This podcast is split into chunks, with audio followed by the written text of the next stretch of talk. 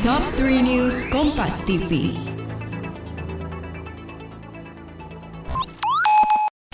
Halo Sobat Kompas TV, saatnya kita update 3 berita terpopuler yang terjadi pada hari ini, Jumat 19 November 2021, bersama saya Senta Melinia di Top 3 News Kompas TV.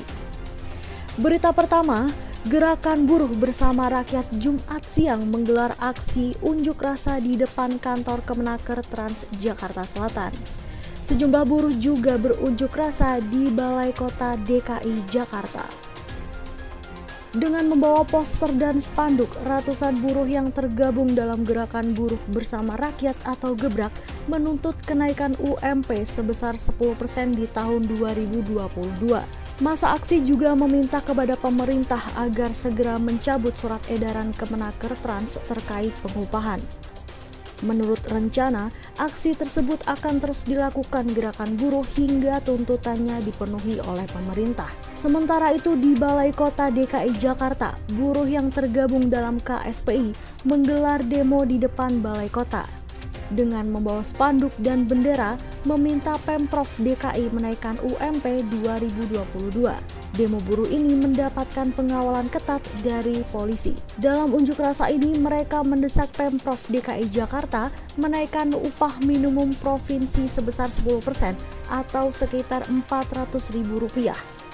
Mereka merasa kenaikan UMP yang ditetapkan pemerintah sebesar 1,09% sangat kurang. Mereka juga mendesak pemerintah mencabut surat edaran Menaker Trans terkait penetapan UMP. Berita selanjutnya, polisi hari ini mendatangi sejumlah aset milik keluarga Nirina yang dirampas sindikat mafia tanah. Salah satunya di kawasan Srengseng, Kembangan, Jakarta Barat. Kedatangan penyidik untuk memastikan aset-aset tersebut tidak dikuasai karena masih dalam proses hukum. Polisi melanjutkan penelusuran ke lokasi aset lain di Jalan Sankis 3, Jalan Belimbing, dan Jalan Musyawarah 3 Serengseng Kembangan. Di lokasi penyidik sempat menanyai penghuni kontrakan di salah satu aset milik Mirina Zubir.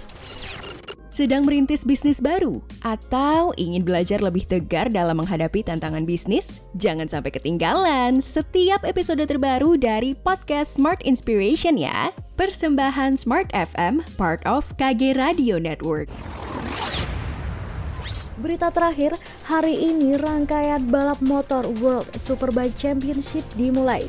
Hari ini di sirkuit Mandalika, Nusa Tenggara Barat, para pebalap melakukan tes lintasan sirkuit. Latihan bebas dimulai hari ini untuk para pebalap World Superbike Championship. Dari lintasan 4,3 km dengan 17 tikungan, para pebalap mengaku menyukai belokan ke-10. Selain disuguhi sirkuit baru, para pebalap bisa menikmati pemandangan saat melakukan latihan menguji kecepatan untuk balapan pada Minggu 21 November 2021. Sementara itu, sirkuit Mandalika telah lulus homologasi oleh Federasi Motor Internasional atau FIM.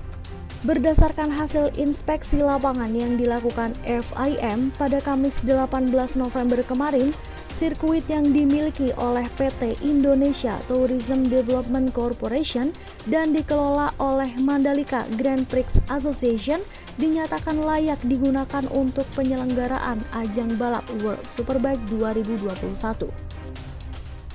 Nah itu dia sahabat Kompas TV, tiga berita terpopuler yang terjadi pada hari ini.